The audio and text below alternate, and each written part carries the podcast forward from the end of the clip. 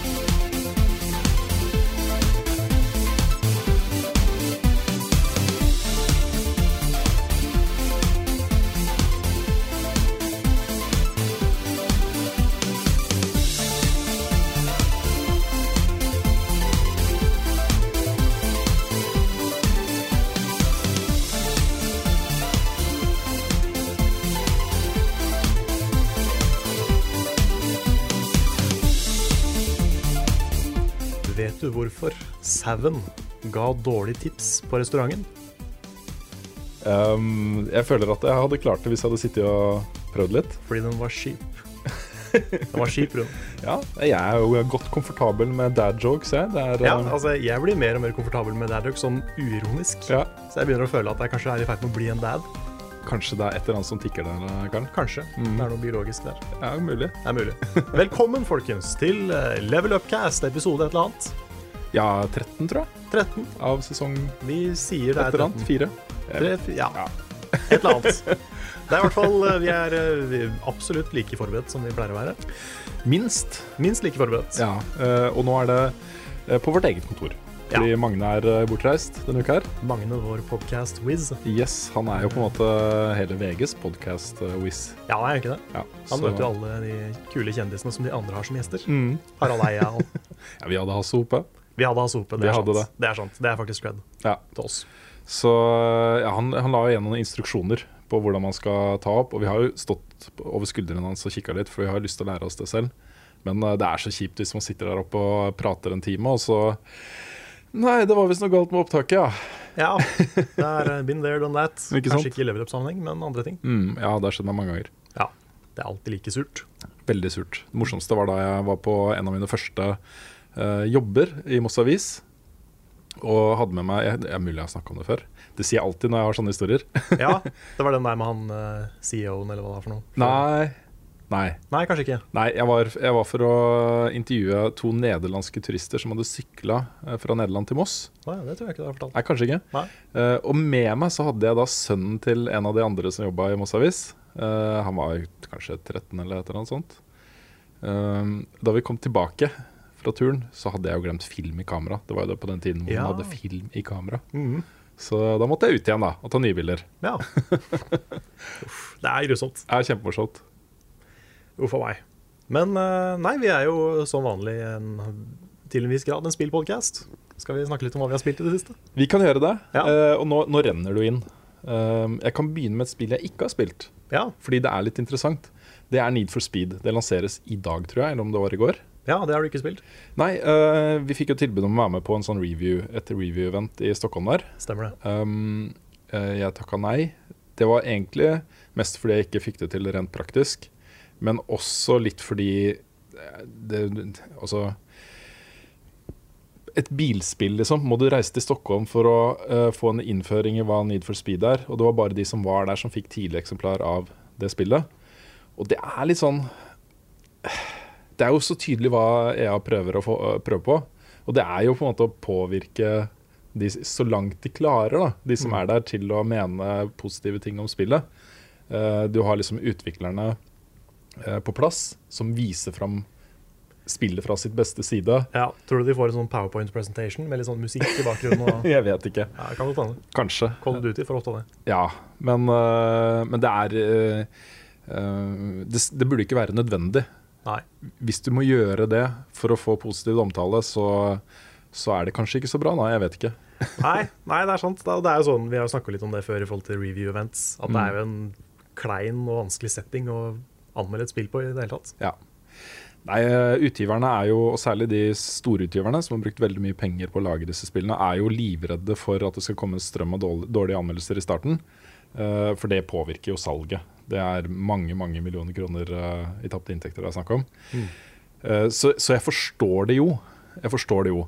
Eh, I tillegg så er det jo også eh, kanskje noen anmeldere som ikke eh, setter seg grundig nok inn i spillene. Jeg skal ikke utelukke det. Det er ikke sånn at hele vår stand er feilfri. Um, og dette er jo da på en måte en måte å sørge for at i hvert fall alle får med seg de viktigste tingene om spillet før de skal anmelde det. Mm. At ikke det bare setter seg ned og spiller en runde og bare Nei, s- G- Gran Turismo er mye bedre, det er Det drittspill. er noe, terningkast hæ? to». Biler? Biler. Er det, skal, hvor er, er det ikke skyting? ja. Liksom? Så, så jeg vet ikke. Jeg kan se litt begge sider av den saken, men men for min, eg- for min egen del, da, så ehm, Ja. Review-events hvor du får sette deg ned med spillet i ro og mak og ta opp alt du vil, osv., syns jeg er greit. Ja. Selv om du kanskje har noen bak skulderen din som kommer og pirker litt på deg av og til og lurer på om du har det bra, og om det står bra til med ungene dine og, Ja. og sånn. Der, eh, trenger du noen Mm. druer? Ja, druer f.eks. Uh, så lenge man får sitte i ro og mak og spille spillet uten å på en måte bli, bli presentert det, Ja. så er det innafor, syns jeg, da, for min egen del. Mm. Men eh, dette ja, det var litt vanskelig å si ja til, da. Så det har jeg ikke spilt. Nei. Eh, jeg har lyst til å spille, men det får da bli når det først eh, kommer. Og vi har ikke fått det. Nei, nei Selv det om er jo det er ikke det. Så da må vi stikke ut og kjøpe det i butikk, sånn som eh, vanlige folk gjør. Ja, ikke sant. Det er jo for så vidt greit, det også. Ja, vi gjør jo ofte det. Ja. Men jeg spiller jo noe annet som eh, jeg trodde Jeg hadde ikke helt fått med meg at eh, den utgivelsesdatoen var allerede neste uke. Nei, så da riktig. det bare dukka opp Rune, her er din anmelderkode av Tomb Raider. Rise Hei. of the Tomb Raider. Så ble jeg jo veldig glad. Ja, Det er jo ganske, ganske stas, for det hadde jeg også glemt at det kom nå. ja, jeg trodde det var et par-tre par, par, tre uker til, så, så det var hyggelig. Så det har jeg sittet og spilt. Der er det en, eh, en eh, Ja, det man vel kanskje kan kalle en friend DA. Ok, For jeg har ikke signert på noe, men det Nei. er en NDA her eh, som man på en måte aksepterer når man får spillet. Og det er at det er ikke lov til å anmelde det før eh, jeg tror det er mandag morgen er klokka ni. Hmm. Um, det er lov å si at man spiller det, og det er lov å beskrive spillet eh, tørt. Men eh, noe som helst som ligner på meninger om det, eh, er ikke tillatt, da. Nei, riktig. Ja, Så du det- kan si at det er Lara Croft, men du kan ikke si hvor bra Lara Croft er. Nei, det er et Tomb Raider-spill. Um, det jeg kan si litt om, eh, og som jeg sikkert kommer til å si litt om i anmeldelsen også, det er jo at dette er eksklusivt på Xbox One, og det tar ett år før det kommer på PlayStation. Og det, er- det syns jeg fortsatt er en, eh, en eh, utrolig lumpen avgjørelse av eh, Square Enix. Ja, det suger, for det, det er jo bare liksom ekskluderende Ja. for eh, folk som ikke har Xbox One. De har sikkert tjent masse penger på det, eh, men eh, de taper jo eh, Ja, jeg tipper det er veldig mange av de som ville ha kjøpt det hvis det kom samtidig på PlayStation 4, som nå velger å ikke gjøre det. Et år er veldig lang tid. Eh, Det kan hende at de kommer til å introdusere masse nytt. liksom Nye områder og nye tombs og Ja, for for det er jo det er litt ekstra surt at det første spillet, eller det første nye spillet, eh, det var jo på alle plattformene. Det var på alle plattformer, og solgte også best på PlayStation-plattformene. Det gjorde det, Eh, ja, Og Tomb Raider er en PlayStation-serie for de fleste eh, som vokste opp med Tomb Raider. Så, Mm. så er det Det var der det begynte, og det er der Lara Croft på en måte hører hjemme. Ja, ja. så eh, ja. Det store spørsmålet for de som er blodfans av Tomb Raider, vil jo da bli Er det så bra at eh, det er verdt å kjøpe en Xbox One for å få spilt det nå? ja riktig. Og Det er jo det Microsoft eh, håper på. At mange vil si at Hei, jeg har lyst til å spille Tomb Raider, jeg kan bare spille det på Xbox One. Jeg kjøper en Xbox One. Ja, ja Det er for det, derfor har- det det gjør har jo det. ikke vært så mange sånne skikkelig eh, mega exclusives i det siste. På Xbox One. de Eh, har jo Halo 5 og Forza 6. ok, Halo 5 og- Ja, greit. Det er greit. Det er, eh, det er ikke helt mine sjangere, da. Det har vært noen store Er eksklusive noen blockbuster. store. Ja. Ok, er, eh, er fair. Det var ikke helt riktig det jeg sa nå, men eh, ja, altså Halo 5 er jo en stor Jeg, jeg spiller jo ikke så mye bilspill, men Halo 5 burde jeg kanskje Ja. for meg. Nei, da, også eh, Xbox One er en flott uh, spillkonsoll, og den blir bedre. Nå kommer det en oppdatering nå av- om en ukes tid eh, som endrer på en måte funksjonaliteten og gjør den mer kompatibel med Windows 10 og masse, masse greier. liksom. Ok. Eh, så det er en fin konsoll, og jeg syns jo, eh, hvis man ikke tenker på at dette var kjipt gjort av Square Enix å inngå den avtalen med Microsoft, så er det jo flott for Xbox One-spillerne. De får jo et, eh, et eh, stort spill, eh, etterlengta spill, på konsollen sin, på en måte. Ja. Så det, den inngår jo i det argumentet som vil komme før jul, ikke sant, når man skal anbefale julegaver. Eh, det er bare Xbox One som har Tomb Raider. True that. Så øh, min mening om spillet kommer da på mandag. Da kommer jeg ikke til å jeg, altså Det har jeg også sagt før, men terningkastet mitt vil ikke bli påvirka av at jeg syns det også burde ha kommet ut på andre plattformer. Nei. Det blir ikke riktig. Jeg skal vurdere spillet, og bare spillet. Så ja. Ja, har du spilt noe annet spennende? i Nei, siste? det er det det har, det, er det det har gått til. Nei, det er godt. tenkt. Det er det det. Er det. Ja, eh, jeg kan jo si jeg har jo nå for første gang Jeg henger litt etter. Men jeg har nå endelig begynt å sette meg inn i The Binding of Isaac. Ah, For nå har jo den der Afterbirth-delscenen kommet. Ja. Og eh, det er jo mye å sette seg inn i i starten. For det- du får jo liksom nye items hver eneste gang du plukker opp noe.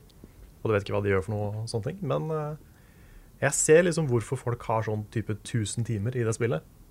For det er jo en sånn roguelike som du bare kan spille og spille og spille. Mye av det er veldig random generert. Så eh, jeg ble jo litt hekta. Jeg vet ikke om jeg kommer til å havne der. Men eh, Nei, det er mye, det er mye kult her. Et veldig bra spill. Det er veldig sånn her eh, makabert, dyster, litt sånn ekkel blanding av søte ting og veldig ekle ting. Um, men eh, det er stilig. Mm. Det er sånn, det er et sånt spill som bare kunne eksistert fra en indie-utvikler. Ja. Så det er stilig. kult. Ellers så eh, gått mye i Undertale-følelser. Ja, ikke Jeg sant. har ikke spilt så mye mer, men jeg har eh, tenkt mye på det. Ja. Det er et sånt spill som liksom ikke, ikke forlater meg helt. Mm. Um, utenom det så tror jeg ikke jeg har spilt så mye. Nei, vi har jo mye på gang da i redaksjonen her eh, nå. har Eh, Lars anmeldte jo Black Ops 3. Den anmeldelsen la vi ut i dag. Det er deilig å være ute på embargo og på lansering Ja, definitivt. av et stort spill eh, for en gangs skyld. Eh, han var jo litt stressa i forkant. Ja, Lars har jo ikke anmeldt spill før, Nei. så han var jo veldig stressa på å gjøre dette her riktig. Men Lars har jo ment noe om spill i mange år. Ja, ja, Spesielt Call of Duty. Spesielt Call of Duty. Han har masse kunnskap om eh, både spill generelt og om Call of Duty spesielt. Altså, han var en veldig naturlig mann å gå til eh, tak- med akkurat dette her. Eh, han har spilt multiplayer-betaen masse. Eh, han har liksom testet, han har runda story-moden, liksom. Singleplayer-campaign. Så han har gjort alle de tingene. Eh, jeg syns anmeldelsen ble veldig fin. Ja, det syns jeg òg. Ja, altså, jeg, jeg tror det som Lars syntes var skummelt, det var å anmelde for VG. For han har jo testa og anmeldt ting på kanalen sin før, og han har jo han har gjort disse tinga før. Så var det vi også prøvde å, å si til ham, da. Men han var jo veldig nervøs. Han er litt nervøs av seg. Jeg syns det er litt eh, bedårende. Altså, jeg kjenner meg veldig igjen. Jeg var jo livredd for alt når jeg begynte i le- i leveløpet, jeg òg. Men eh, jeg syns Lars klarte seg veldig bra. Ja, han gjorde det. Så eh, det blir nok mer av det. Det gjør nok det. vil jeg tro. Um, vi kan også eh, nevne at vi, vi skal jo noe gøy i helgen. Ja, Vi skal på Spillekspo. vi skal på Spillekspo. Ja. Og eh, ja, på lørdag. Eh, lørdag. Det blir sånn maraton hele lørdag, filme så mye som mulig. Jep. Det kan hende at vi kanskje må en tur innom på søndag, men vi prøver å få liksom gjort alt jobbtingene på lørdag. Mhm. Eh, vi skal også bl.a. på scenen eh, klokka tolv. Yes, fra klokka tolv til klokka ett. Yes, og det blir vel Hvis vi får det teknisk t- til, da, så blir det kanskje da spørsmål og svar-spalten til neste Level Upcast som vi gjør der. Eh, Spørsmål fra salen. Så vi ser, Sist gang så eh, var jo lyden fullstendig sprengt, husker jeg. Vi kobla på en eh, diktafon på, eh, på PA-anlegget, Stemmer det. og så eh, ble det litt dårlig lyd. Litt dårlig lyd. Ja, Men vi kan prøve det samme igjen, tror jeg. Ja, Bare ha litt mer fokus på hvor stort utslag det er på den eh, diktafonen. ja altså hvis det gikk gærent i fjor, så prøver vi igjen. Det er, det er så enkelt som, som det. Ja, for etter at vi fikk skrudd den ned litt, så ble det jo kjempefint. Ja, da blir det fint. Ja. Så vi får bare prøve å skru den ned før vi begynner. Ja. Og så håper vi at det går. Jeg så på programmet at du og, Ka- og Lars fortsatt er oppført eh, med egne slots. Er vi det? Ja. Det er rart, for det skal ikke være der. Nei, Spillekspo posta i går, tror jeg, en, eh, et program Oi. hvor det står oppført eh, level up fra klokka tolv, i parentes Storm-Lars og Carl. Ok. og så eh, er det to slott seinere på dagen, ett et for hver av dere, det tror jeg. Ja, det, det må være feil. Ja. Men eh, da er det mulig jeg må sende en mail. Kanskje det. Men vi blir jo mange fra redaksjonen. Ja, det gjør Eh, vi. Vito Skall, Det blir jo Lars nesten alle, faktisk. Nesten alle. Eh, Johan kunne ikke? Nei, Johan og Malin er vel de eneste nesten som ikke kommer. Ja, jeg tror det. Jeg tror Nick kommer, jeg tror Svendsen, Frida, hele gjengen. Hele gjengen. Bjørn og Bjørn og Lars og Nei, Det blir koselig. Blir bra. Så ja. Vi får se om vi skal finne på noe spesielt eh, sammen med Komplett også. Det vet vi ikke helt ennå, men eh, det blir kanskje noe der òg. Ja. Nei, det blir, det blir spennende. Jeg gleder meg mest nå til å teste VR. PlayStation VR. Ja, ja. Ja, for det, kommer hit. Det er der. Eh, tipper de har den Drive Club-demoen. Og eh, de skulle ha noe annet også som jeg ikke husker helt hva var i farta. Ja, gud, kult. Det er jeg veldig spent på. ja, jeg prøvde jo så vidt eh, VR på E3 i år, Mm. men da, da var det liksom bare Jeg fikk bare spilt et sånt veldig Veldig enkelt, lite sånn partyspill med masse sånne sm- søte små figurer. Så jeg har lyst til å prøve noe litt mer sånn Ja, litt mer spill. Mm. Og så er det jo finalen i Telenor-ligaen også på lørdag. Det Det er det begynner også. klokka to. Den sendinga skal gå direkte på VGTV også. Um, det tror jeg blir kjempegøy. Det er to veldig gode lag som uh, møter hverandre. Det kan bli en kjempespennende finale. Men den kan bli lang. Det er best av, uh, best av fem, så det er førstemann til tre, Ja, OK. uh, tror jeg. Spennende. Mm, så masse, masse gøy. gøy. Kostelig konkurranse. Det er også. Ja. Det er jo mye Jeg fikk med at det, det er mye fokus på youtubere også i år. Mm, det er det. Det er derfor eh, holdt på å si alle sammen har fått sånne slots Mm. hver halvtime. Ja. Så eh, spent på åssen det blir. Mm. Mye, mye kule mennesker som skal dit. Det er det. Vi skal snakke om nyheter. Ja, du begynte med å spise sjokolade. Ja. Ja. Um, men du hadde noe du hadde lyst til å nevne først. ja. Mm. På mandag Nei, ikke på mandag, på fredag. For en uke siden så var eh, Bjørn og jeg på kino for å se Spekter, den nye James Bond-filmen. Mm. Ja. Og det som var litt spesielt, det var at eh, vi, kjenner, jo- vi kjenner en fyr som heter Tord. Og han hadde skaffa billetter, da. Men han måtte baile, så jeg fikk billetten hans. Men det han hadde fått tak i, det var billetter ved et uhell til en lukka premierevisning. Hvor eh, jeg holdt på å si hele Norges kjendislag var eh, invitert. ja, men dere hører jo naturlig hjemme der, Karl. Helt klart. Mm. Der hvor det var liksom rød løper. Ja, så skulle man ta bilde av seg selv foran og greier og sånn. Ja, ja, ja. Det var, det var sånn. Og så var det mm, Alle kom i smoking. Bjørn og jeg kom i Pokémon-T-skjorter. så eh, vi følte oss jo veldig utilpass. Eh, jeg tror vi fikk noen rare blikk fra folk som ikke skjønte hva vi gjorde der. Mhm. Eh, vi så liksom Tone Damli. Vi så diverse norske eh, kjentfolk, holdt på å si. Ja, kan du nevne noen flere? Eh, altså, Jeg kan jo ikke navnet på så mange norske kjendiser. Bjørn sa mange. Jeg vet jo ikke hvem disse Mm. Det var derfor jeg folka er. spurte, men det er hyggelig at du vet hvem Tone Damli Jeg er. vet da. Mm. hvem Tone Damli er. Det var fra tida da jeg faktisk så på Idol. Ja. Um, men Nei, det var, så det var en interessant opplevelse. Ja, det det, er var jo sånn her dritkult. tale før filmen, og det var ikke reklame. og Det var sånn skikkelig eksklusivt. da. Mm. Um, så vi lista oss egentlig bare inn og spiste popkorn og så på film og håpa at ingen skulle liksom stille oss noen spørsmål. Svar meg helt ærlig nå, Karl. Mm. Når du oppdaga dette her, var du frista til å snu og gå? Jeg tror Bjørn var det. OK. Jeg var ikke det. Jeg, Nei, ok. jeg bryr meg ikke så mye om sånne ting. Nei, greit. Men Bjørn var veldig sånn ukomfortabel. Mm. Jeg, er sånn, jeg syns det er litt kult. Da, jeg, fø- da føler jeg liksom for første gang i livet mitt så kan jeg være litt rebelsk. Det er liksom å ikke være pent kledd når alle andre er, er pent kledd. Var det noen som eh, pirka Bjørn på skuldrene og lurte på om han var broren til Atle, Ant- Atle Antonsen? Nei, det var det heller Det ikke. var Mm. heller ikke det. Nei, det var ikke det. Vi, ble, vi, vi fikk være i fred. Dere fikk være i fred til og med. Men de folka som sto vakt ved døra, de, de shaka hands med alle bortsett fra oss. så, så det var jo det var en viss stemning av liksom Hvem er disse her? Ja, Hva ja, gjør ja. de? Men eh, nei, så det var morsomt. Ja, Kjempekult. Det var opplevelse. Mm. Um, filmen var litt sånn meh. Den var OK. Ja. Helt midt på treet, som en James Bond-film. Tidrøyte. Ja. Det er jo jeg, jeg skulle ønske den var litt kulere. For det her er jo en, en ganske sånn law-heavy, for å kalle det det, James Bond-film. Den heter jo Spectre, Ja, ja. og det har jo, eh, Spectre har jo en rik historie i James Bond-universet. Det har den. Så um, ja, jeg, jeg hadde håpa det skulle være litt mer liksom, eksplosivt og kult, da. At Spectre var tilbake. Men eh, jeg ble litt uh, undervelda. Nettopp. Jeg har hørt flere andre si det, men det er andre igjen som syns den er dritkul. Så Ja, den er jo kul, jeg skal ikke si at den er eh, dårlig, men den er eh, bare som passe. det er rart med det liksom, eh, når det gjelder James Bond. Folk har så høye forventninger til de filmene. Mm.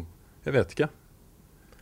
Ja, Det er kanskje mye fordi eh, sånn på 70-80-tallet så leverte de en type actionunderholdning som ikke, f- du ikke fant så mange steder. Veldig påkosta scener, dyre spesialeffekter, veldig sånn ekstravagant.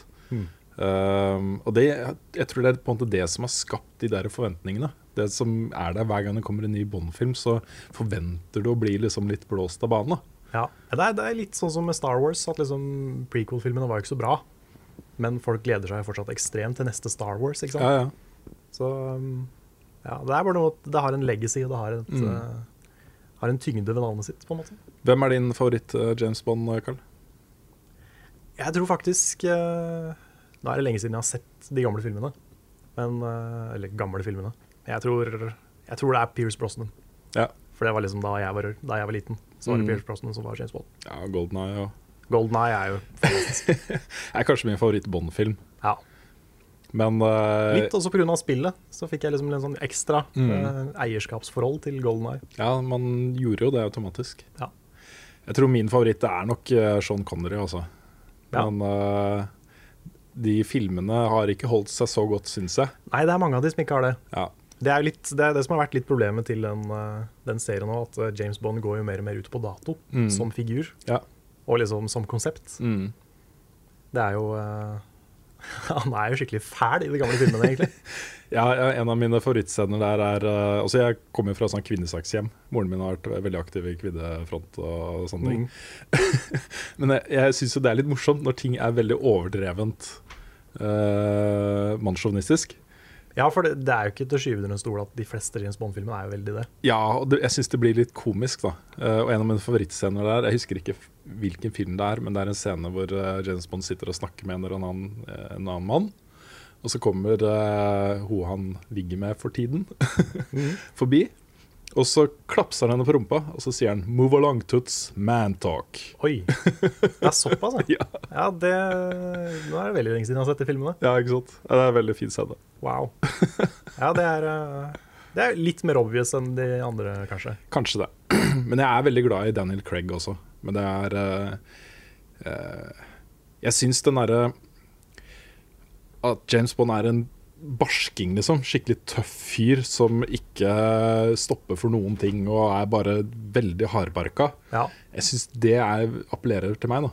ja, ja. ja jeg, jeg er litt omvendt. Ja. Jeg syns den litt mer sånn her eh, britisk gentleman-versjonen Mm. er kulere. Nei, jeg vil gjerne ha en, en sånn gangster. Eller ikke gangster, men en som er litt Sånn sånn hulkbånd. Det er ikke hulkbånd, men en, en sånn tøffing, liksom. Ja. En som eh, bare går rett på. Og det jeg liker med Daniel Craig-versjonen, er jo eh, også i, i slåssgreier og sånt. Han er, det er veldig direkte. Jeg mener å huske at det er sånn Krav Maga-inspirert. Veldig veldig direkte slåssing. Man skal ikke liksom ha det gøy mens man slåss, man skal bare få ned de der pokkers skurkene så fort som mulig. Ja. Eh, jeg liker den litt sånn direkte.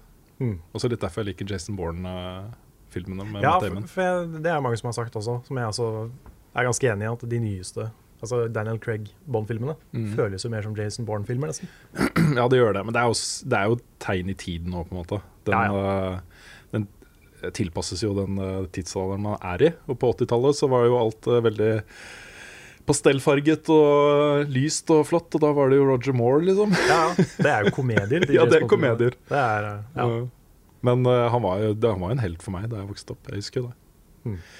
Yes, dette er nyhetsspalten, eh, Karl. ja, eh, det var det det var. Ja. Skal vi snakke litt om nyheter, kanskje? Ja, vi, s- vi har jo snakka litt grann om det, fordi ofte så blir det jo sånn at eh, mange av de nyhetssakene vi snakker om i podkasten, har vi enten allerede snakka om i eh, Level Up-magasinet på VGTV på tirsdag, eller så kommer vi til å gjøre det tirsdagen etter. Ja. Så vi skal snakke om litt færre nyhetssaker, men vi kommer da til å ta opp ting som eh, kanskje det er verdt å bare ta en ekstra prat om.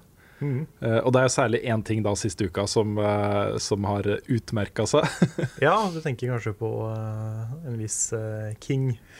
ja, King.com, det svenske mobilselskapet, er kjøpt opp av Activision Blizzard. Er de svenske? De er svenske. Ah, ja. For 5,9 milliarder dollar! wow. Det er 60 milliarder kroner. Jeg så en sak og nå Det er så gøy å sitte her, fordi, fordi man har liksom lest ting, og så husker man ikke nøyaktig hvordan ting var og sånt. Men det er jo en av de største oppkjøpene i svensk historie.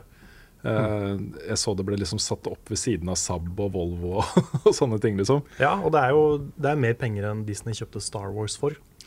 Det er helt crazy. det er helt crazy, Og eh, analytikere er ganske kjappe rundt omkring på nettet med å si at eh, em, dette her kommer aldri til å lønne seg for Activision Blizzard. Her har de brukt altfor mye penger.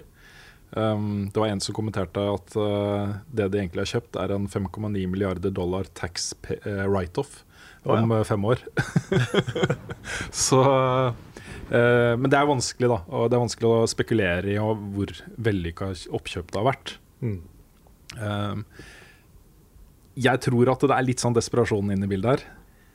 Ja, altså King de er jo de som lager Candy Crush og liksom, hva heter de andre Bubble Witch alle de der spillene som er helt like. Ja, de har jo tre, tror jeg nå, eh, spill i topp ti-lista for, eh, for apps eh, i AppStore. Eller for spill, da. Og de tjener jo helt grassat mye penger på det. Det er, eh, det er helt absurd hvor mye penger som er i omløp, omløp der. Um, men jeg får liksom litt vibber fra da Singa ble kjøpt opp, for også en ekstremt stor sum, som jeg selvfølgelig burde, burde gjort research på før vi satte oss ned, men det var også veldig mye penger. Ja. Eh, det gikk jo ikke så bra etterpå. Um, Nei, altså- Det selskapet rakna jo litt. Folk slutta, og sjefene slutta. og- Ja, altså det er, det er mulig jeg tar feil, men jeg føler at de trendene der, sånn Cityville, Farmville og nå Candy Crush, at det bare er sånne kortvarige fads. At når det er over, så hopper folk av med en gang og glemmer Candy Crush på relativt kort tid. Da. Ja, um, med unntak av at de kanskje gremmes litt over eh, alle de timene de s- altså, Ja, så- det er jo en gjenganger. Ja. Eh, nei, jeg, jeg tror du har helt rett. Altså, når sanne ting som dette her er over, så er det over. Mm. Og da er det ikke gitt at eh, hjernene bak Candy Crush og alle disse andre spillene som King.com har lagd, ehm, har det i seg til å lage noe like bra. Litt sånn som med Mojang og, og Minecraft. Kommer, de, kommer det selskapet noen gang til å lage noe annet som Ja, ikke sant. vil bli like stort som Minecraft? Mm. Og det er ikke noen sånn nostalgifaktor i det heller. Det er ikke, du tenker jo ikke med gode minner tilbake på Candy Crush på samme måte som liksom Mario. da du var Nei, liten. det gjør ikke det. det, det er jo ingenting positivt der. Det er bare sånn der eh, Mm. spilleautomat-feeling. Bare sånn kynisk eh, addiction-greie. Ja, men det, det jeg tenker at det eh, Activision har betalt Altså brorparten av den summen Mye av det er nok eh, den inntjeningen de forventer å få da eh, På de spillene som er aktive og som folk spiller Men jeg tror liksom hoveddelen her er All den kompetansen som ligger hos King På det å få folk til å bruke penger fordi det kommer jo ikke til å gå bort. Og det finnes jo masse kalkyler på eh, mobilspillmarkedet om hvor stort det kommer til å bli i årene fremover. For det er eh, Alle mener jo at det kommer til å fortsatt vokse. Det er flere og flere som kommer til å spille mobilspill. Eh, det kommer mer og mer penger i omløp, og det blir større og større. Eh, så sånn sett så er de på en måte kanskje da med på en fortsatt opptur i det markedet der. Og hvis de sitter med den kompetansen eh, på mikrotransaksjoner som King har, så, så kan jo det være sterkt kort. Gudene vet hva de planlegger å gjøre på mobilfronten selv, liksom. Det vet jeg ikke. Ja, det er litt sånn hvis ikke du følte at Activision var onde nok fra før, så har de nå kjøpt opp tidenes ondeste spillselskap også. Ja, men jeg syns ikke det er ondt, jeg, Carl. Syns du ikke det? Nei, jeg, sy altså, jeg syns det er kjipt. Og så jeg syns ja, altså, det er jeg syns det er skikkelig kvalmt. liksom. Jeg syns det er litt uetisk og litt øhm, hårete. Ja, det er liksom det er gambling uten noe som helst form for gevinst. Ja, men vi, vi bor i et kapitalistisk samfunn, Carl. Dette er kapitalisme. Dette er sånn som markedskreftene fungerer. Ja, ja, ja, men eh, behøver ikke å like det. da. Nei, det er helt riktig. Det gjør ikke jeg heller. Nei. Men jeg syns ikke det er ondt. Det å på en måte Lysten til å tjene penger er ikke i seg selv ond. Nei, det er, det er den psykologiske greia som Ja. irriterer meg, Ja, som, det- jeg, som jeg ikke liksom virkelig ikke liker. Nei da, jeg gjør jo ikke det jeg heller. Eh, Jeg blir jo Mm. irritert og- på det, liksom. Særlig hvis jeg møter det på steder hvor jeg ikke forventer å møte det, eller hvis jeg føler føler at utviklerne har liksom lagt inn hindringer og sperrer som er der for at jeg skal åpne lommeboka mi. Da Mm. Men blir det jeg er jo irritert. King-spilla i et nøtteskall. Det er det jo. Det er liksom, det er bare det. Ja, det er jo egentlig det. Jeg måtte jo, jeg har nevnt det litt før, men jeg måtte jo på skolen spille Cityville i noen måneder Mm. for å analysere gamedesignet i det spillet. Og da, da gikk det liksom litt opp for meg hvor mye psykologi, hvor mye manipulasjon som ligger bak. det. Mm. Det er jo Noen i klassen ble jo faktisk nesten hekta. Ja da, det er, det er sånn som skjer. Ingen tvil om det. Um, en annen side av det er jo eh, hva skal man si, ringvirkningene virkningene dette kan ha for det skandinaviske eh, em, s- spillindustrien. Da. Det er jo litt spesielt at eh, nå to eh, svære svenske selskaper er kjøpt opp for uhorvelig mye penger. Um, ikke at de pengene går direkte tilbake til et, et spirende utviklermiljø.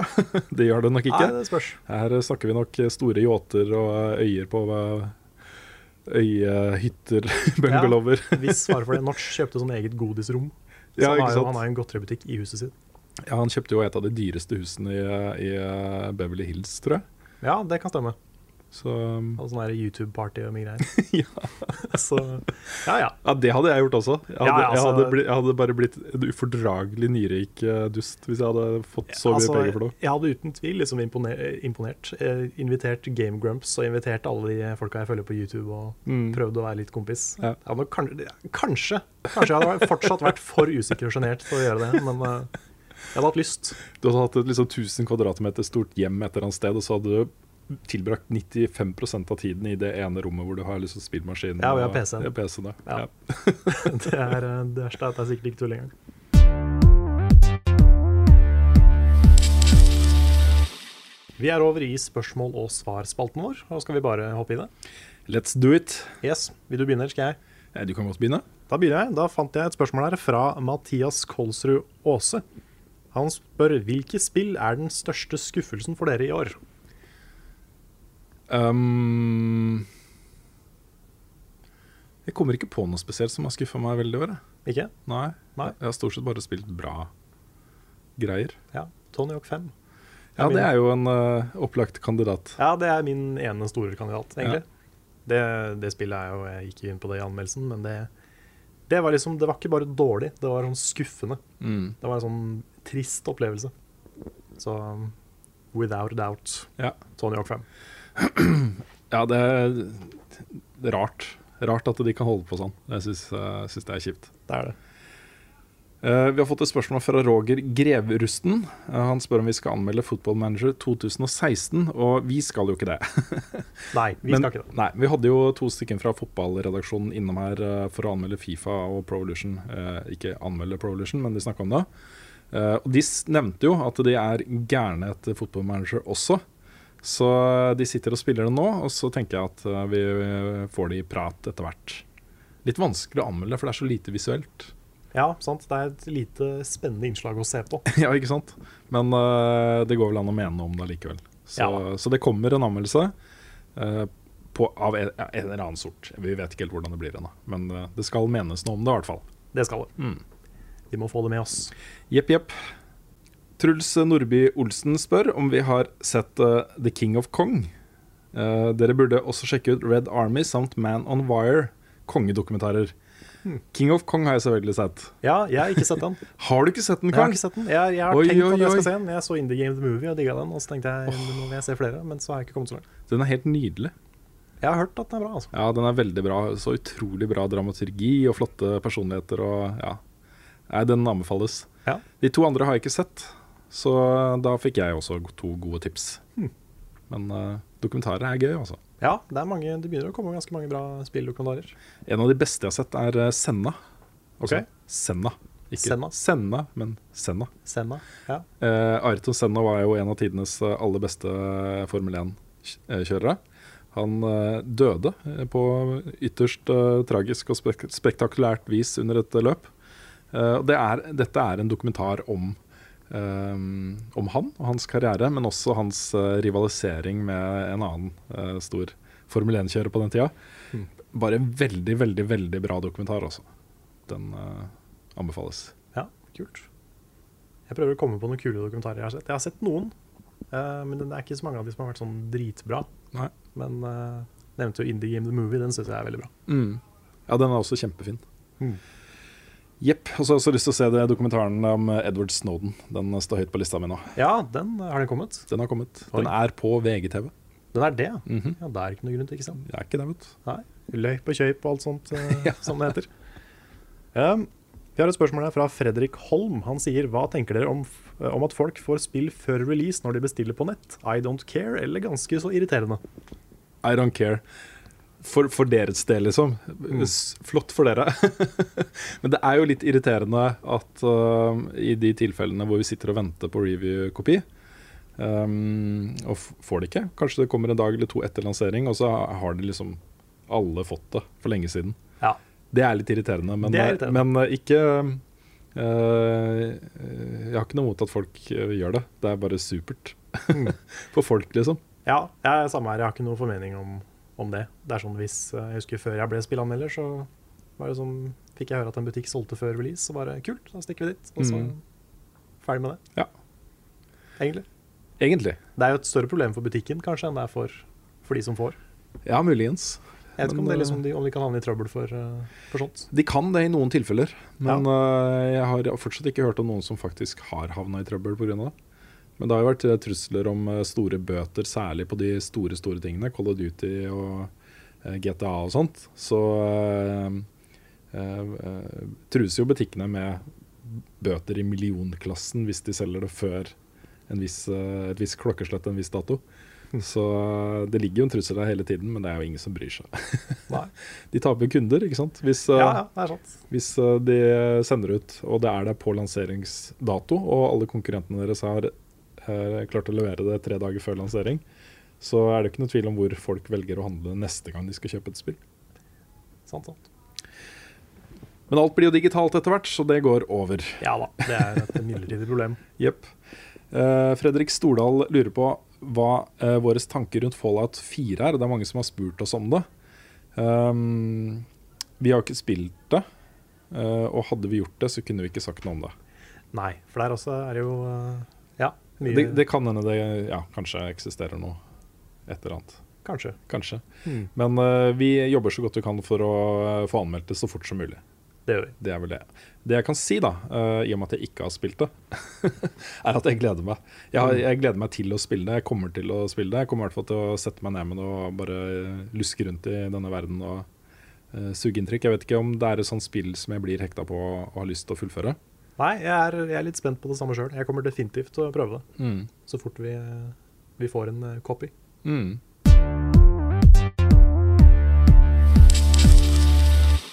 David Vikesland spør hva er favorittmiddagen deres? Favorittmiddagen? Jepp. Jeg tror eh, akkurat nå så er hjemmelaga lasagne. I betydningen knorr.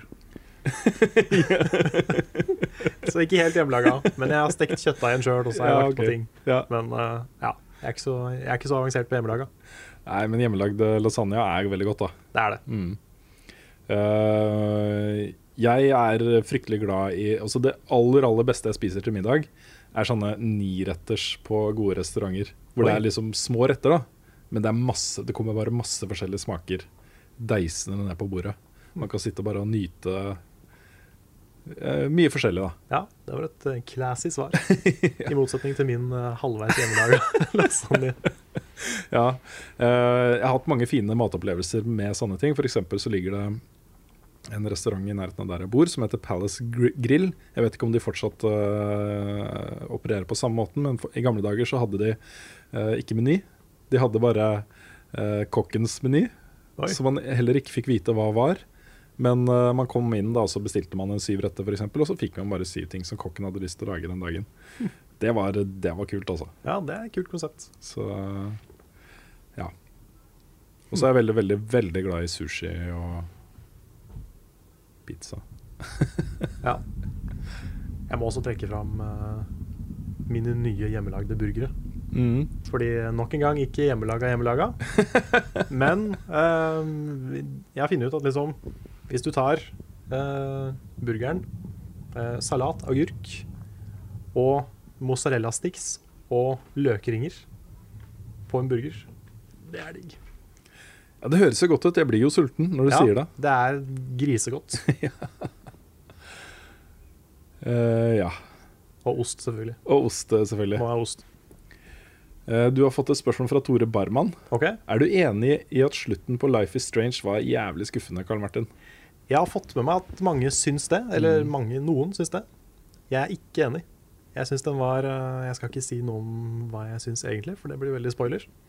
Men eh, den var Altså Jeg syns fortellerteknisk så var den helt fin. Det var ikke sånn som eh, dype Assassin's Creed 3-slutten, som bare var helt ut av det blå og sugde. Den slutten her var bygd opp til helt fra starten. Og det var mange hint gjennom spillet om at den kom til å bli sånn. Og eh, jeg følte den, pass, den passa til spillet, så jeg er, jeg er fornøyd. Ja, men det er bra.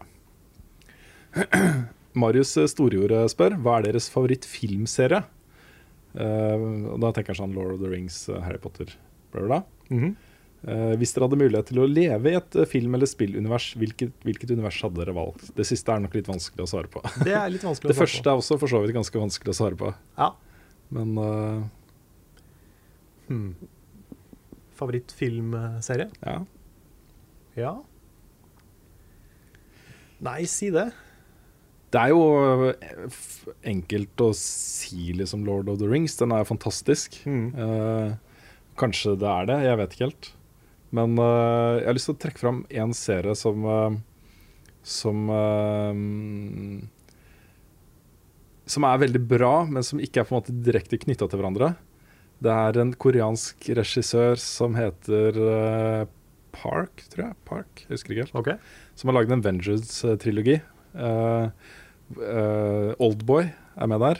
Eh, Sympathy for eh, Lady Vengeance og en til. Ok. Jeg har sett alle tre flere ganger, og de er kanonbra. Og de utforsker liksom temaet hevn. da. Folk Ok. som har blitt utsatt for, utsatt for stor urett, og som tar hevn.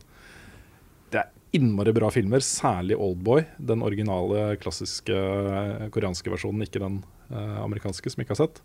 Men eh, det, er, det er bra filmer, altså. Det er kjempebra filmer.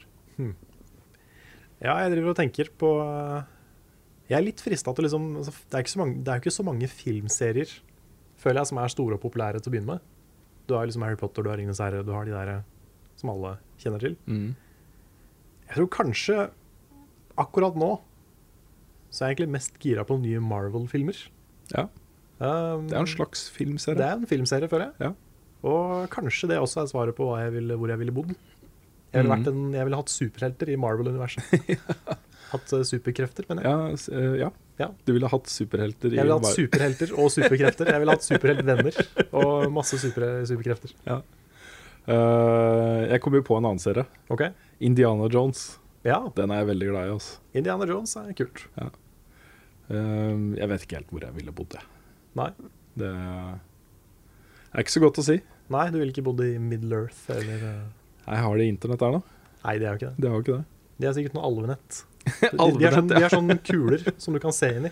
Ja. Så kan du spionere på folk og sånn. Mm. Jeg er jo litt frista til å si kanskje The Matrix, selv om det hadde blitt en lang diskusjon. Ja.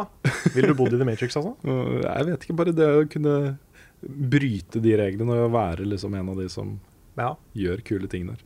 Du hadde ikke vært eh, veldig bevisst på at kroppen din egentlig bare lå og fløyt i en tube. Det, jeg vet ikke. Nei. Jeg tror det, det hadde plaga meg litt. Ja, jeg er også veldig glad i den filmserien. Ja, alle tre filmene, egentlig, selv om eneren er uh, den som uh, treffer meg hardest i hjertet. Ja. Jeg er en av de som likte eneren, men syns de andre er litt sånn eh, Ikke helt. Har du noen spørsmål jeg skal ta et til? Ja, jeg har rett, men jeg sliter med å finne et svar på det. Men kanskje du har det? Eh, Tobias Oftedal Stokkeland spør Er det et spill eller en spillserie som burde passe dere som hånd i hanske, men dere har aldri helt klart å elske? Ja, det er jo et, uh, et godt uh, spørsmål. Ja. Eh, jeg er jo veldig glad i skytespill, og jeg er veldig glad i skytespill multiplayer. Eh, jeg syns det er litt rart at jeg liksom aldri har kommet skikkelig inn i Call of Duty multiplayer. ja. Det syns jeg er litt pussig.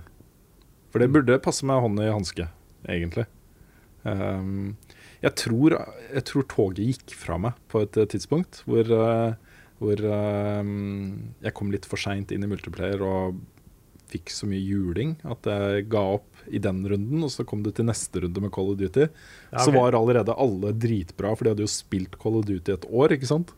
Så eh, jeg tror det gikk litt eh, fra meg, det toget.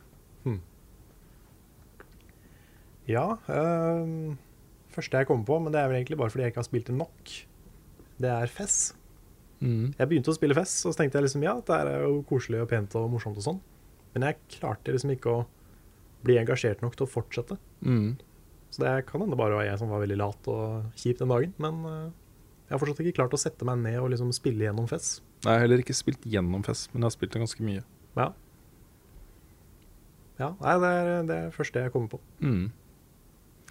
Nå er jeg glad du ikke sa Half-Life eller noe sånt, Karl. Ja, nei, da hadde jeg sannsynligvis ikke jobba her lenger. etter- Nei, jeg tror ikke det. Etter i dag. Tore Barman spør hva slags serier følger dere med på nå, og har dere sett Mr. Robot? Jeg har Ikke sett Mr. Robots, Ikke jeg heller ennå. men eh, Lars anbefaler den veldig. Ja, den, den står på min liste, egentlig.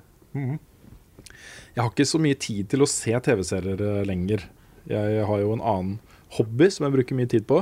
ehm, og den har skjøvet på en del andre interesser. Film og TV-serier ser jeg ikke så mye som jeg gjorde før.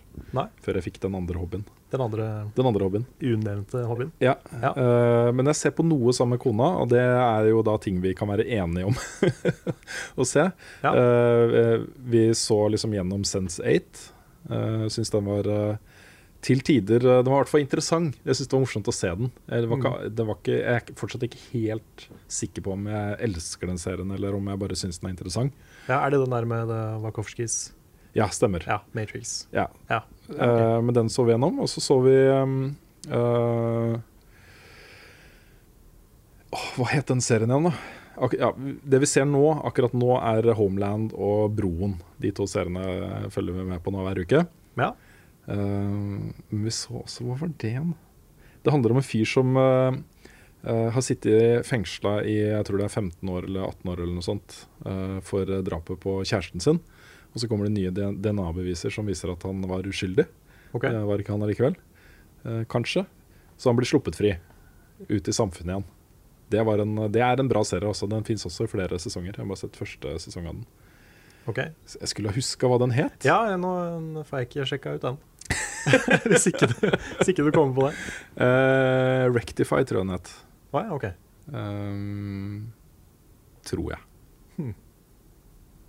Ja. Kanskje. Ja, jeg ser sånn halvveis på en del. Men det er bare halvparten av de seriene jeg ser på nå, som er sånn som jeg ser på, ser på. Noen av de er litt sånn her jeg føler jeg bare må komme meg gjennom de. Eh, Jeg ga opp Once upon a time, for den syns jeg begynte bra, men for hver sesong så bare datt det liksom lenger og lenger vekk fra, fra min eh, sfære. Um, Og så begynte jeg å se på The Flash, eh, som jeg syns var helt OK. Jeg har bare ikke fått somla meg til å fortsette. Eh, og så har jo Supergirl begynt. Og den serien har jeg faktisk blitt litt glad i. Ja, har men bare det er kommet- flere som sier det. Ja, det har bare kommet to episoder. Men det er noe med liksom, den serien er så blid, Ja. og det, det gjør meg liksom litt fornøyd. Fordi eh, når du ser sånn som type Man of Steel, som bare er liksom mørk og dyster, selv om det er Supermann, så er den jo bare trist. Ja. Og bare grå og, og kjip. Mens Supergirl er liksom det motsatte. ja. Hun er, jo sånn, hun er glad for at du har superkrefter, liksom. Kult. Det er jo uhørt i disse filmene her og seriene. Så um, jeg, jeg har blitt litt glad i den. Den er liksom litt sånn bubbly og koselig. Mm. Og så er hun som spiller Supergirl, veldig sånn sjarmerende. Ja. Så eh, det gjør mye. Kult. Eh, ellers så har jeg prøvd å begynne å se på Heroes Reborn, som er akkurat like cheesy og dårlig som jeg husker Heroes var Ok. mot slutten. Ja. Så eh, jeg vet ikke hvorfor jeg ser på det. Det er litt sånn jeg ser på det mens jeg gjør andre ting. Ja. Um, men så ser jeg jo på noe som jeg virkelig ser på, det er jo Walking Dead og The Leftovers. Mm. Begge kommer jo i hvert fall til Norge sånn cirka samme dag. Og eh, de seriene syns jeg er veldig veldig bra nå, spesielt The Leftovers. Mm. Den eh, treffer meg ganske hardt hver gang, egentlig. Det er flere som snakker om den om dagen også. Som Ja, på en jeg måte har føler ikke det er så mange som gjør det. opp- Nei, men den, den, det er i ferd med å skje litt sånn murring. Folk begynner å oppdage at den er ganske bra. Ja, men det er bra. Jeg så den den Asbjørn, fortjener eh, så mye mer oppmerksomhet enn den får. Ja, Asbjørn Slettmark har eh, reklamert litt for den, eller eh, rek ikke reklamert, men eh, Han har vært litt sånn eh, forkjemper for den serien i, i det siste. Ja, ok, det er han, kult. eh, han er jo seriespesialist. Ja, ja, nice. Um, Ellers er det jo selvfølgelig Game of Thrones når det går. Game of Thrones som jeg venter på. Mm. Det er det største jeg ser på TV om dagen. Ja. Ellers er det ikke så mye. Ehm, Jeg fikk sett ferdig Daredevil da, første sesong. ja, ja, den har jeg også sett. Det var, eh, den likte jeg. Nå kommer jo også Jessica Jones, som er en annen Marvel Litt mer sånn adult Marvel-serie. Mm.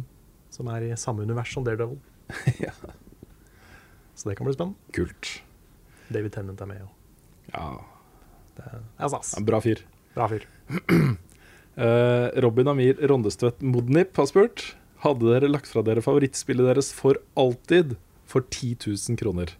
Parentes, vi vet alle hvem jeg sikter til. Ja, Rune? Nei, Nei, du vil ikke det? ikke for 10 000. Det er for Nei. lite. Det er for lite penger. For lite penger. Ja. ja, jeg tror faktisk det er for lite penger for meg òg. Ja, fordi eh, det har jeg på bok, liksom. Ja. Ja, det, jeg har sparekonto med mer penger enn det på. ja, altså det er jo litt sånn når man er blitt voksen, så har man jo det. Ja, I hvert fall hvis man ikke er veldig uheldig. nettopp. Jeg syns 10 000 er for lite. Ja. Hadde Hvor, det blitt- my hvor mye skulle du hatt? Eh, mer enn 10 000.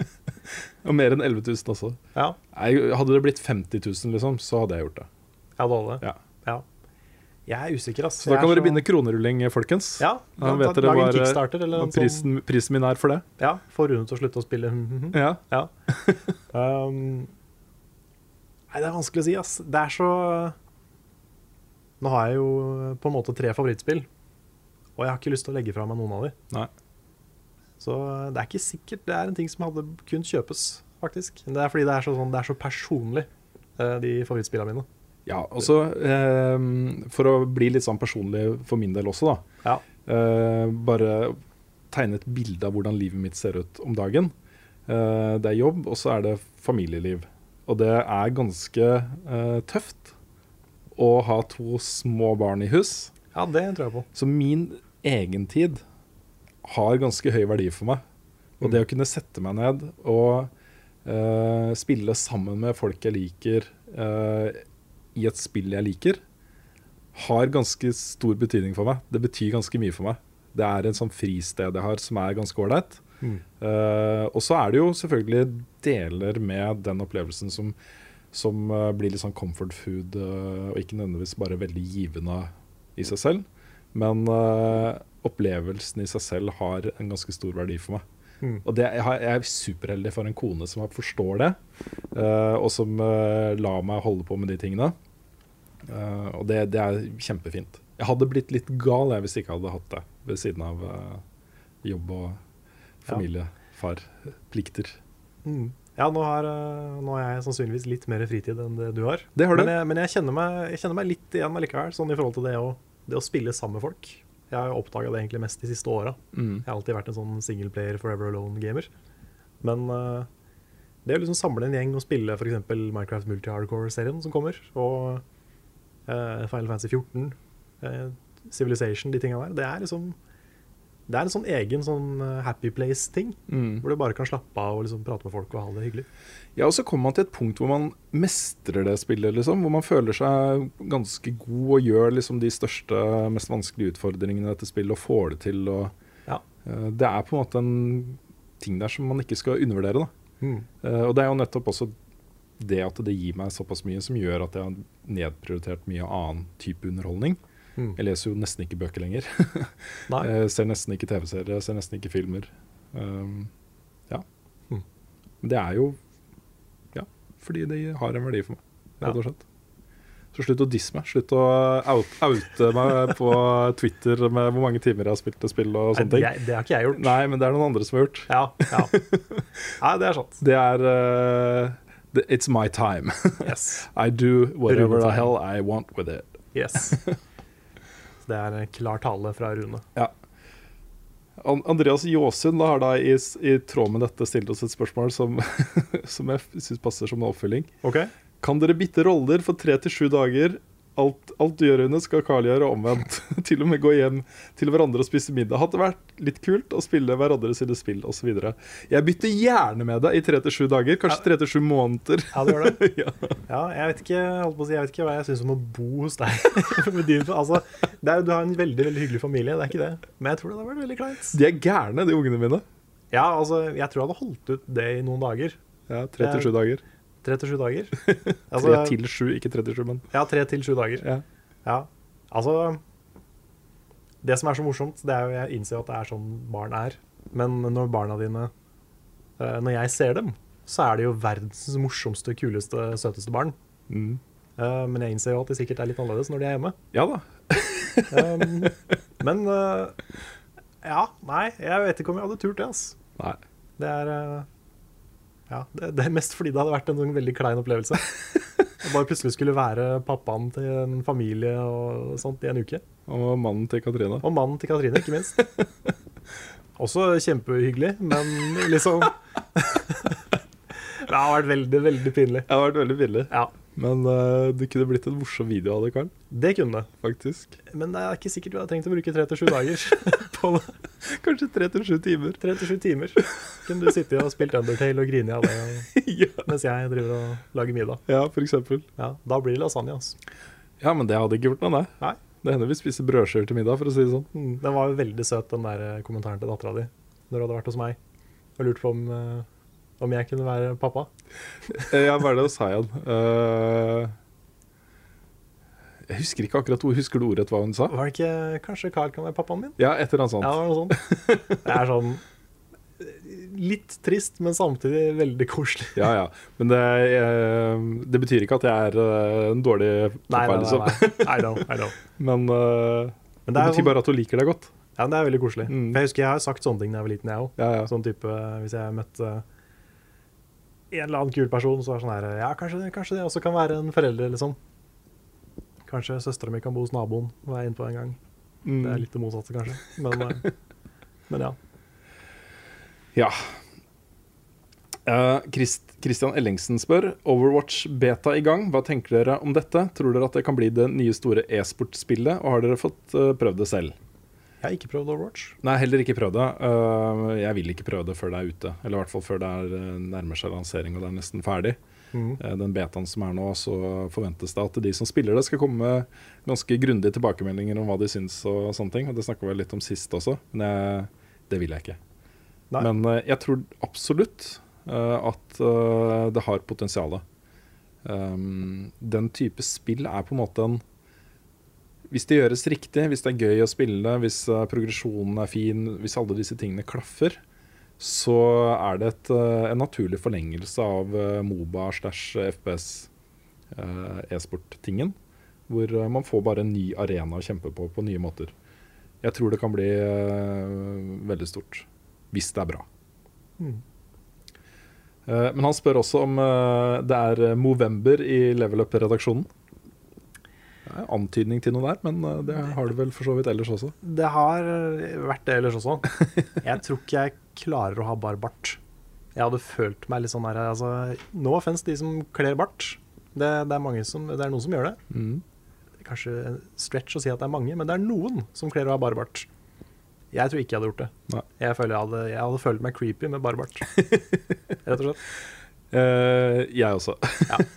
jeg har ikke nok eh, skjeggvekst der til å kunne få en OK bart engang. jeg, Så det Nei, jeg har aldri prøvd, men jeg tror, det hadde, jeg tror ikke det hadde vært en pen bart engang. Nei, jeg vet ikke. Du har litt mer enn meg. Har jeg det? Ja. Ja, kanskje. Eh, jeg skulle gjerne likt å se deg med bart. Jeg har prøvd helskjegg, men det, det ser bare rotete ut. Ok, Så det um, Det må friseres, vet du.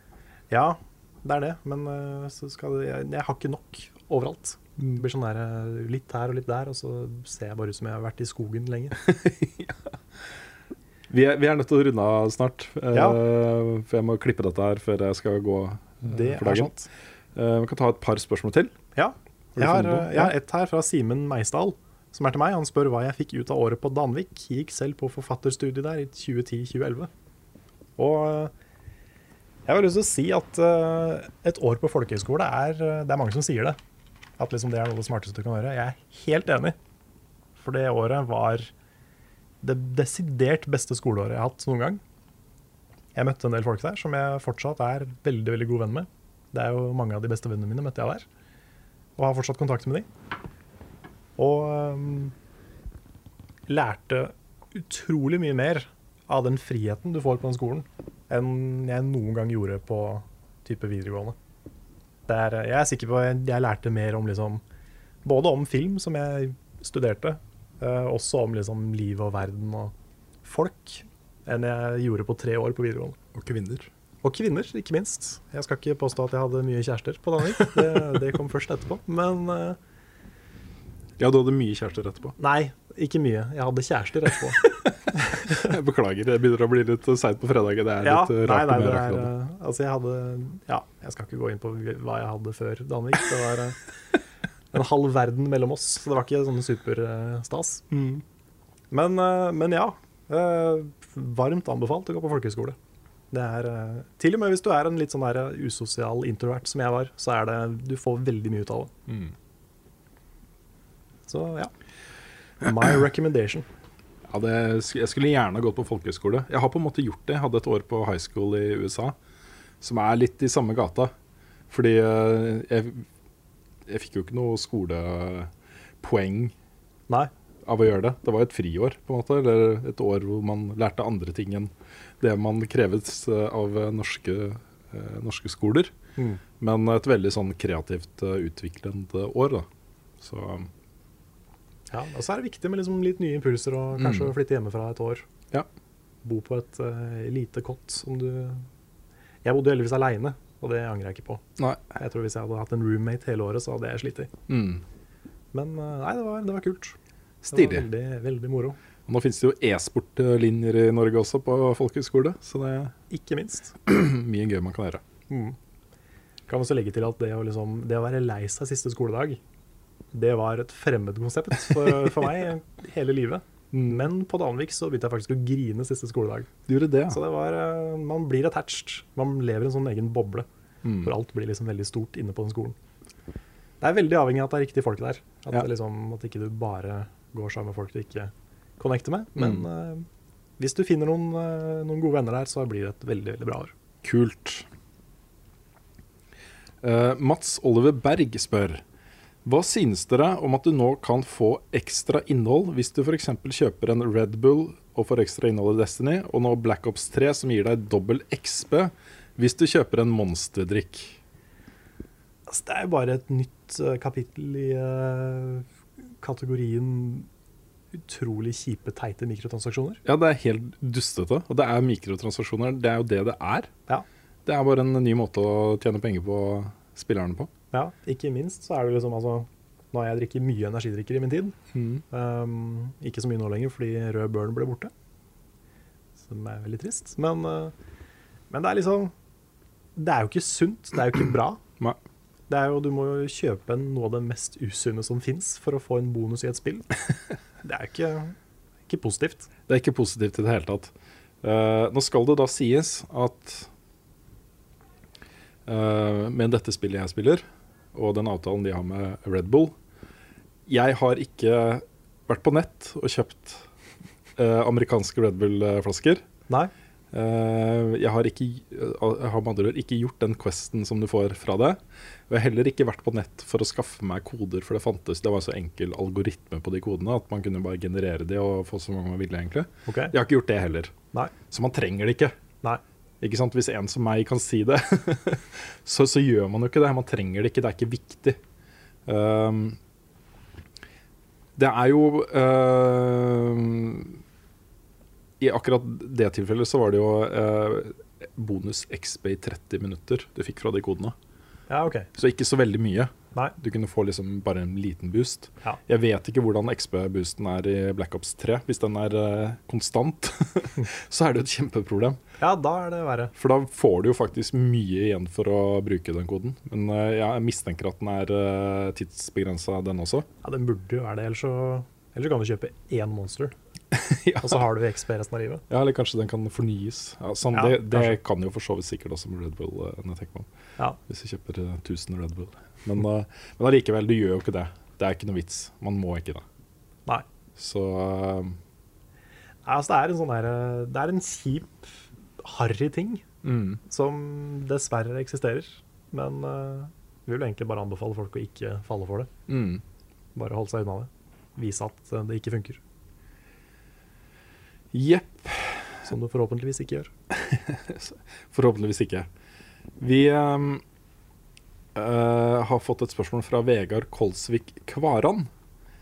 Eh, han skriver at det er hovedsakelig til meg, men det er ikke riktig. Det er til oss begge to. OK? Eh, Han skriver at han gikk tilbake igjen og så første episode av Level Up her om dagen. Og dere har utviklet dere enormt på disse årene. Både lengde, programledere og innhold med mere er forskjellig. Kan du snakke litt om utviklingen dere har hatt? Er du fornøyd med den? Har det vært en planlagt utvikling? Og hvordan så dere for dere programmet i fremtiden da dere startet opp? Syns det er et godt spørsmål, jeg. Ja, det er et veldig bra spørsmål. Eh, og det er jo ting vi tenker mye på. Mm. Og Grunnen til at dette spørsmålet er til oss begge, er at eh, du kom inn etter et år. Ja, stemmer. Eh, Så brorparten av den tida som Level Up har eksistert, så er det jo vi to som har eh, lagd det sammen, med innspill fra Lars og andre som er involvert i utviklingen. Men det er jo eh, helt riktig. Det har skjedd mye med det programmet her siden starten. Og eh, i starten så var det vel mer et eksperiment. Den første sesongen var mer sånn Er folk interessert i å se et ukesmagasin om spill? Eh, og det var folk. Den, eh, det ble en kjempesuksess fra første episode. Eh, og så kom jeg inn for fulltid. Jeg var i pappaperm første sesongen, så jeg var bare innom av og til. Så da var jeg mer sånn behind the scenes.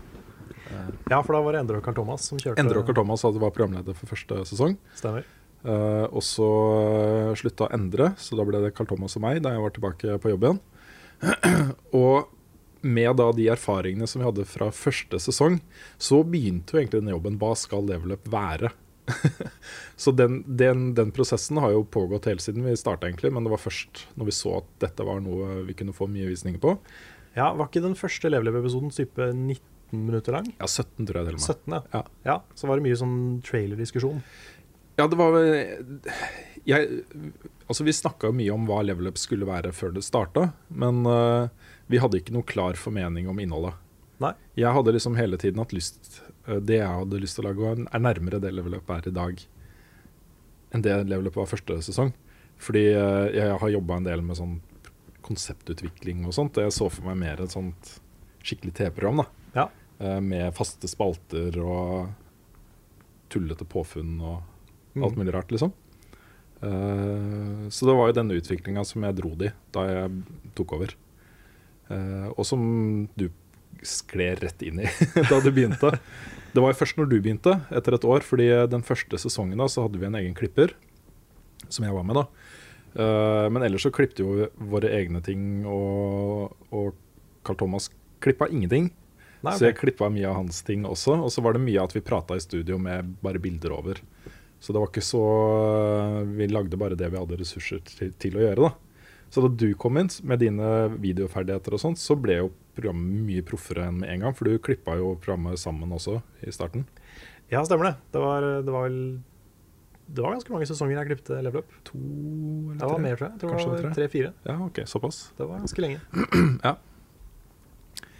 Så, så det ble mye proffere. Men det var også da vi begynte å liksom skru det litt mer sammen.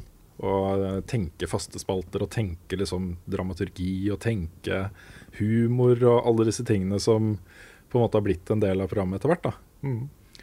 Um, jeg vil si at den utviklinga gikk ganske mye sånn framover. Særlig det første året gjorde vi mye produktutvikling, tror jeg. Ja, det Jeg kan se den. Og så satt det seg litt, det konseptet. Vi syntes det funka. Det var ikke så mye vi hadde lyst til å gjøre med det.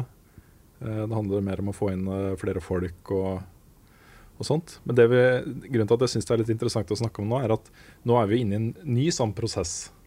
Ja, og det som også er litt interessant, uten å si for mye, det er jo at eh, mye av det vi har tenkt å, eller håper vi kan gjøre nå, det er ting vi snakka om første møte vi hadde Absolutt. da jeg begynte. Ja, ja. Dette er eh, eh, vi, vi har jo eh, synkende seertall. Det er jo ikke noe hemmelighet. Nei, det, Det er bare å se på seertallene på episodene. Det er jo det. Litt spesielt denne sesongen her, så har det gått litt ned. Det har eh, absolutt det. Og det er jo et eh, eh, varsko for oss, men også en mulighet. Eh, og kanskje har vi vært litt seint ute med å gjøre de grepene som vi må ta nå. Men eh, vi snakker om alt mulig rart nå. Det er ingenting som er landa, det er ingenting som er spikra eh, for neste sesong, eller for da 2016 og utover. Men eh, det er f.eks. ikke gitt at vi kommer til å beholde et timeslangt ukesmagasin lenger. Det er ikke sikkert, det. Nei, det er jo egentlig på mange måter et mirakel at det har fungert på internett i så mange sesonger. Ja, det er for så vidt litt sant, det. Mm. Men eh, eh, ja. Ja, jeg, kan, jeg kan nevne i forhold til det at vi eh, har utvikla programmet og sånn, så er jo det jeg brakte med meg i starten, som var liksom min, eh, mitt sånt love child, det var jo klassikerspalten. Um, det er kanskje det første jeg foreslo, tror jeg, for eh, første gang vi møttes. Det kan godt tenkes. Og um, det er også min favorittspalte å lage. Det er, jeg synes det er litt trist at ikke vi har eh, hatt tid til å lage det hver uke de siste sesongene, men eh, det er fortsatt i hvert fall min favorittspalte. Ja, så har vi jo øh, videreutvikla en del ting nå også for denne sesongen. Duellen f.eks., som vi også snakka om eh, Ja. veldig tidlig at vi hadde lyst til å gjøre noe sånt. Det er sant. Den har vi snakka om lenge. Ja. Eh, endelig å få gjort det er kjempegøy. Mm. Så Nå har jeg bare lyst til å gjøre det igjen. Ja, ikke sant? Men ja, litt skeptisk til straffen, men jeg har lyst til å gjøre det igjen. Det skal være minst like kjipt neste gang. Og så skal vi jobbe litt mer med regler og sånt, tror jeg. Ja, det kan være lurt. Men ja. Eh, vi er jo en liten redaksjon. Det er på en måte oss to. Vi sitter ikke så mye sammen. Du sitter mye hjemme hos deg selv, og Mm. jeg sitter mye her på kontoret. Um, men vi er jo sammen om det, og det er på en måte Uavhengig av at dette handler om spill eller hva som helst, så syns jeg det å drive med programutvikling er kjempegøy. Mm. Veldig morsomt, veldig spennende. Det å på en måte ha en idé, og så gjennomføre den, og så se at det fungerer eller ikke fungerer. Og så tilpasse seg. Det syns Ja. jeg er kjempegøy. Det er sant. Og vi har jo eh, mye å velge mellom av ting som har fungert, og sikkert også ikke fungert i løpet Ja, av absolutt. sesongene våre. Men det er litt sånn Det er det som er litt digg med å jobbe med VGTV òg. At det er sånn man prøver ting, og så funker det kanskje. Ja. Og det er sånn man utvikler level up, liksom. Det er det. Og så må jeg også nevne et par ting som jeg syns har vært ganske viktige. Eh, tre ting, egentlig. Det ene er at vi har eh, utrolig kule seere som har på en måte vært med på den dugnaden. da. For det er litt sånn, vi har ikke så mye penger og ressurser, og vi har ikke, vi har ikke så mange folk og sånne ting. Nei. Men da kom, det ramla inn folk som har lyst til å hjelpe oss med ting. F.eks. Cato og gutta som lagde introvignetten mens de gikk på, eh, på skole i Australia. Ja, stemmer. Den første lagde de mens de var der, som, et, eh, som sitt eh, hovedfagsprosjekt, eller hva det var. Eh, og så har også Cato lagd den nye. For utrolig lite penger! Ja. I forhold til hva vi får, så er det eh, latterlig billig. Mm. Men det er jo på en måte allerede eh, Altså med budsjettene vi har, så er det jo dyrt for oss. Men allikevel så kan vi gjøre det fordi det er eh, Ja. Så det å på- man får en sånn grafisk ramme til det, og musikken som vi hadde da en konkurranse, ikke sant. Vi kjøpte, en, vi kjøpte basically en teamlåt for 10 000 kroner. Mm.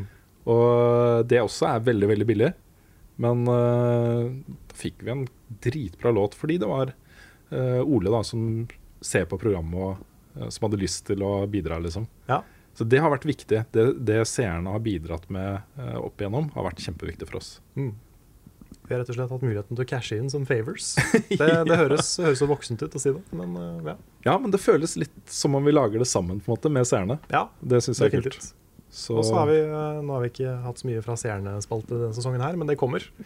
det kommer. Eh, vi kan jo nevne hvorfor. Skal vi gjøre det? Ja, vi kan jo det. Altså. Det er jo ikke, det er ikke noe hemmelighet heller, Nei. egentlig. Vi eh, har jo delt ut T-skjorter eh, Ja. i den spalten, og nå i den siste tiden så har vi ikke hatt T-skjorter.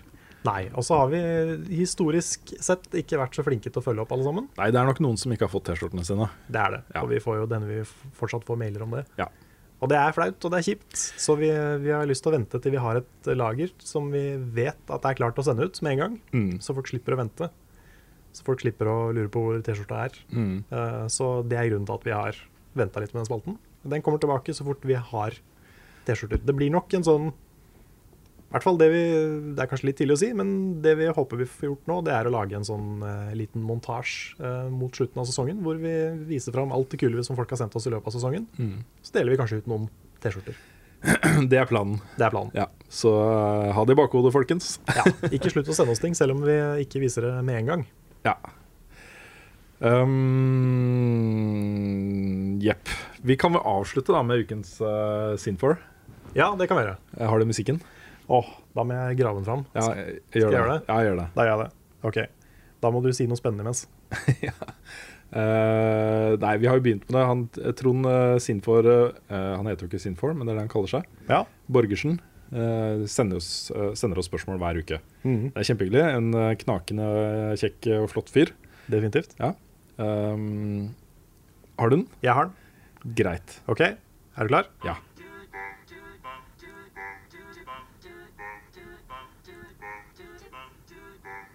Ok. Anytime. Nå. Ukens Sinfor. Hadde tenkt til å spare spørsmålet til livepodkasten på SpillExpo, men what the hell. Når dere skal anmelde et spill som dere etter hvert skjønner er et drittspill, hvor frustrert blir man over å faktisk måtte spille videre på spillet for å gi terningkast? Og vanlig etterfulgt spørsmål er da selvfølgelig Hva er det dårligste spillet dere har spilt noensinne, og hvorfor var det så episk dårlig? Han har skrevet 'episk' med store bokstaver. Skrevet Det er episk. bare for å tulle med meg. Ja. Ja, ja, det var det. Det var det. Ja, Da skrudde jeg av musikken. Eh, og nå fikk du med deg spørsmål. Ja, jeg fikk det med meg. Ja, men det er så bra. Genialt. Jeg er god til å eh, få med meg spørsmål samtidig som jeg hører på Temi Village-film. Ja. Jeg vet ikke om jeg har noe godt svar på det, men det var et godt spørsmål. Ja, eh, det var jo Jeg fikk en liten sånn åpenbaring på det. Hvor kjipt det var å spille et dårlig spill. Altså måtte spille et dårlig spill lenge. Da jeg anmeldte Star Trek. Ja. En av de første Kanskje det første ordentlig dårlige spillet jeg anmeldte. Um, og det var kjipt. Det var sånn For det er ingenting som føles så pointless som å sitte og spille noe dritt som ikke du koser deg med. Du bare sitter der liksom bare «Åh, skal, Enda en dør, og Spock skal komme seg gjennom, og det er så Kirk og en dårlig animasjon. Og det gikk de litt inn i hverandre, og det var noen bugs der, og det var, ikke, det var liksom ikke morsomt dårlig engang. Det var bare kjipt og dårlig og ræva. Og det var, det var litt sånn derre På grensen til deprimerende, liksom. Å sitte der og bare «Åh, Dette her må jeg spille. Um, men jeg måtte Altså, jeg fikk jo det inntrykket jeg trengte etter hvert. Så jeg skal ikke påstå at jeg runda det, men jeg, jeg spilte det nok. Og um, ja. Ja, Det er, han har jo helt rett. Det å på en måte måtte pløye seg gjennom eh, dårlige spill fordi man skal anmelde, er eh, det, helt meningsløst. Det føles som noen bare kommer inn i livet ditt og stjeler tid ja. som du aldri får tilbake. Ja, det er sant. Det er litt som å se for deg liksom at du må se den dårligste TV-serien du har noen gang sett. Mm. Type, hvis du hater Hotell Cæsar, du må se to sesonger av Hotell Cæsar. Sånn er det å spille et dårlig spill. Ja, men det er det, altså. Ja. Eh, tid du kunne brukt til andre ting. Bedre spill eller eh, kose med kjæresten eller hva Ja. som helst, liksom. Det er topp. Plukke blomster. Plukke blomster, Ja. gå deg en tur i fjellet og nyte naturen. Pone noobs. Ja, Pone News. Eh, nei, det er helt bortkasta. Eh, og det er på en måte en del av jobben vår. Nå skal det sies at vi er litt privilegerte her i redaksjonen. Det er vi. Det er sjelden vi må spille dårlig spill. Ja, for Mm. det er litt, eh, litt greia med level up også, at vi, vi fokuserer jo på det vi vil fokusere på. Ja, det som så er ting som stort er bra. og viktig og bra. Ja. Ja. Så eh, ja. Men man får jo den av og til. Eh, Det nyeste eksempelet jeg kommer på i farta, eh, er nok eh, Assassin's Creed 3, Ja. for min del, som jeg sleit med. Det var tungt å spille. Jeg eh, var skuffa. Det ga meg ikke så mye. Um, Nei, det, det er et godt eksempel, det. Ja, eh, og det er også et godt eksempel fordi det er mange spill som er sånn sterk treer, svak firer, som ikke er direkte dårlig, liksom, men som er ikke så bra som det burde være. Og det, det blir liksom jobb da, å komme seg gjennom det uansett. Mm. Eh, og et godt eksempel der er et gammelt eh, spill. Eh, Angel of Darkness. Ok. eh, Tomb Raider, eh, gamle Tomb Raider-spillet som alle hata. Det fikk jo slakt overalt. Var det der hvor du eh, fikk XP og sånn? Når du løfta ting og sånn? Ja, det stemmer. Hun Ja, ok, eh, fikk XB av å henge langs kanter og sånt. Det var mer mekanisk og eh, hva skal man si eh, location-messig som var det største problemet med det spillet. Ok. At eh, det var eh, mye skyting og action i moderne eh, storbysettinger eh, type ting. Mm. Um, et, det skulle være et, liksom et mørkere og mer sånn actionprega Tomb Raider. Da. Men det var først og fremst mekanisk. Det var mye bugs. eh, knotete kontrollsystem, alle disse tingene. Det var et slag i trynet for meg i starten, fordi jeg er veldig glad i den serien eh, og hadde et nært og varmt forhold til det. Det eh, slaget ble litt dempa av at eh, Tomb Raider-serien hadde jo hatt en sånn decline. Fra de første to spillene så ble de liksom gradvis dårligere og dårligere. Ja. Eh, mindre og mindre inspirerende, mindre og mindre engasjerende. Eh, og så skulle liksom Angel of Darkness løfte serien tilbake på føttene igjen. Eh, og det runda jeg før jeg anmeldte det. Det var faktisk eh, litt eh, merkelig også, fordi de aller fleste ga seg jo etter noen timer med det spillet og slakta det. Men det ble bedre. Siste halvdelen av det spillet var mye bedre enn første halvdel. Ok. Så eh, jeg endte jo faktisk opp med å bli litt mer positiv etter hvert. Men eh, det var jo en eh, jobb uten like å komme seg dit. Ja. Apropos det, så er jo Final Fantasy 13 er en inter- interessant greie. For det er et spill som har 13 kapitler. Jeg tror det er kapittel 10, så blir det bra-ish. Og det er snakk om i hvert fall 20 timer før du kommer dit. Nettopp. Så du har 20 timer med en lang korridor som du bare løper gjennom Mm. og slåss noe, det er noe battles og noe greier. Og en rar historie. Før du kommer til den ene delen av spillet som er åpen. Og det tar deg 20 timer. Og da blir det litt bra. Ja. Men det er jo bare den delen Ja, nettopp. som er litt bra. Ja. Så det er, eh, det er ikke så lurt å designe spill sånn. Nei, det tror jeg ikke er så veldig lurt. Nei, helst ha noe bra før det har gått 20 timer. Ja, eh, Metal Gear-serien har også slitt litt med det. Som, eh, den har jo ekskludert folk, fordi eh, det som regel er en tre-fire timer i starten hvor du blir liksom pent bedt om å bare være litt tålmodig. Ja. Slapp av, folkens. Det kommer bra ting. Vi må bare bygge det opp litt først, og så må du lære deg kontrollsystemet. Og så kan du møte en kul boss. Ja, Liksom. The Dragons Are Coming. Ja, noe sant. Ja. Så, så den er også en sånn serie som mange har falt av fordi de ikke har kommet seg forbi den kneika. Da. Hmm. Men eh, Ja. Jeg vil også bare sånn kjapt nevne, siden jeg er så forelska i Undertale om dagen, så er det spillet er jo ikke i nærheten av dårlig eh, noen gang. Det er kjempebra hele veien. Men det blir, eh, hvis du liksom runder det spillet, og så, uten å spoile noe, så får du kanskje et hint.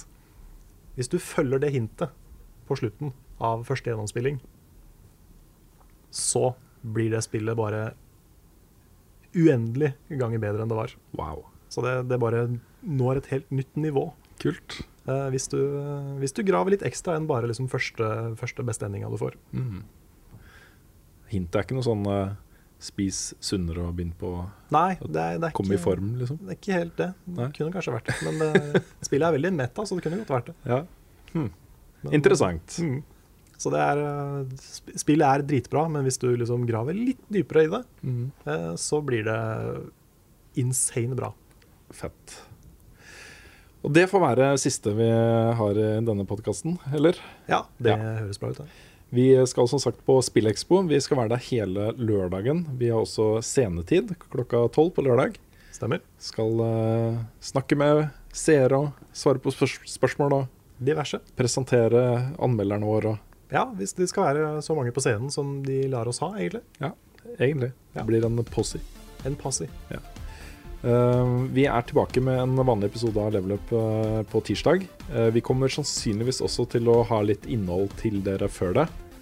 Litt avhengig av hva vi får til på embargo og, og sånt. Ja, Men eh, vi hadde jo Black Ops 3-anmeldelsen ute i dag, på fredag. det hadde vi. Og det kan vel hende at vi skal prøve å være litt flinkere til å få ting ut til embargo. Hvis vi har mulighet til det. Det er jo en fordel at folk får anmeldelsen med en gang. Ja, og Det er et par spill som har embargo på mandag. Et par spill. Ja. Et par ganske store, spennende spill. Ja. Så vi får se. Det er mulig at det kommer noe på, på mandag. Eh, men i hvert fall på tirsdag. I hvert fall på tirsdag. Og så er vi jo tilbake med en ny episode av Level Upcast neste uke, så tusen takk for at dere følger oss, at dere hører på oss, at dere Ja. er den, de, de dere er. Dere Rett og er den slett. gjengen dere er, Ja. rett og slett. Jeg er litt sliten i hodet nå. Karl. Er du det? Ja. ja. Da kan vi egentlig bare si at vi, vi ses opptil flere ganger i løpet av neste uke. Det gjør vi. Ha det bra. Ha det bra.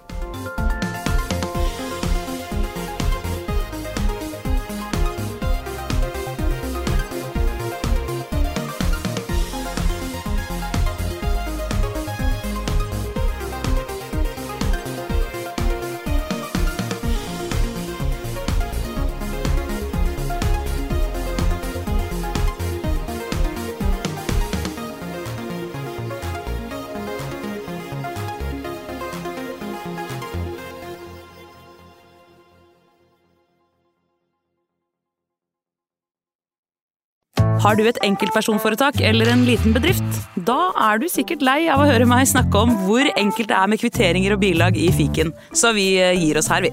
Fordi vi liker enkelt. Fiken superenkelt regnskap.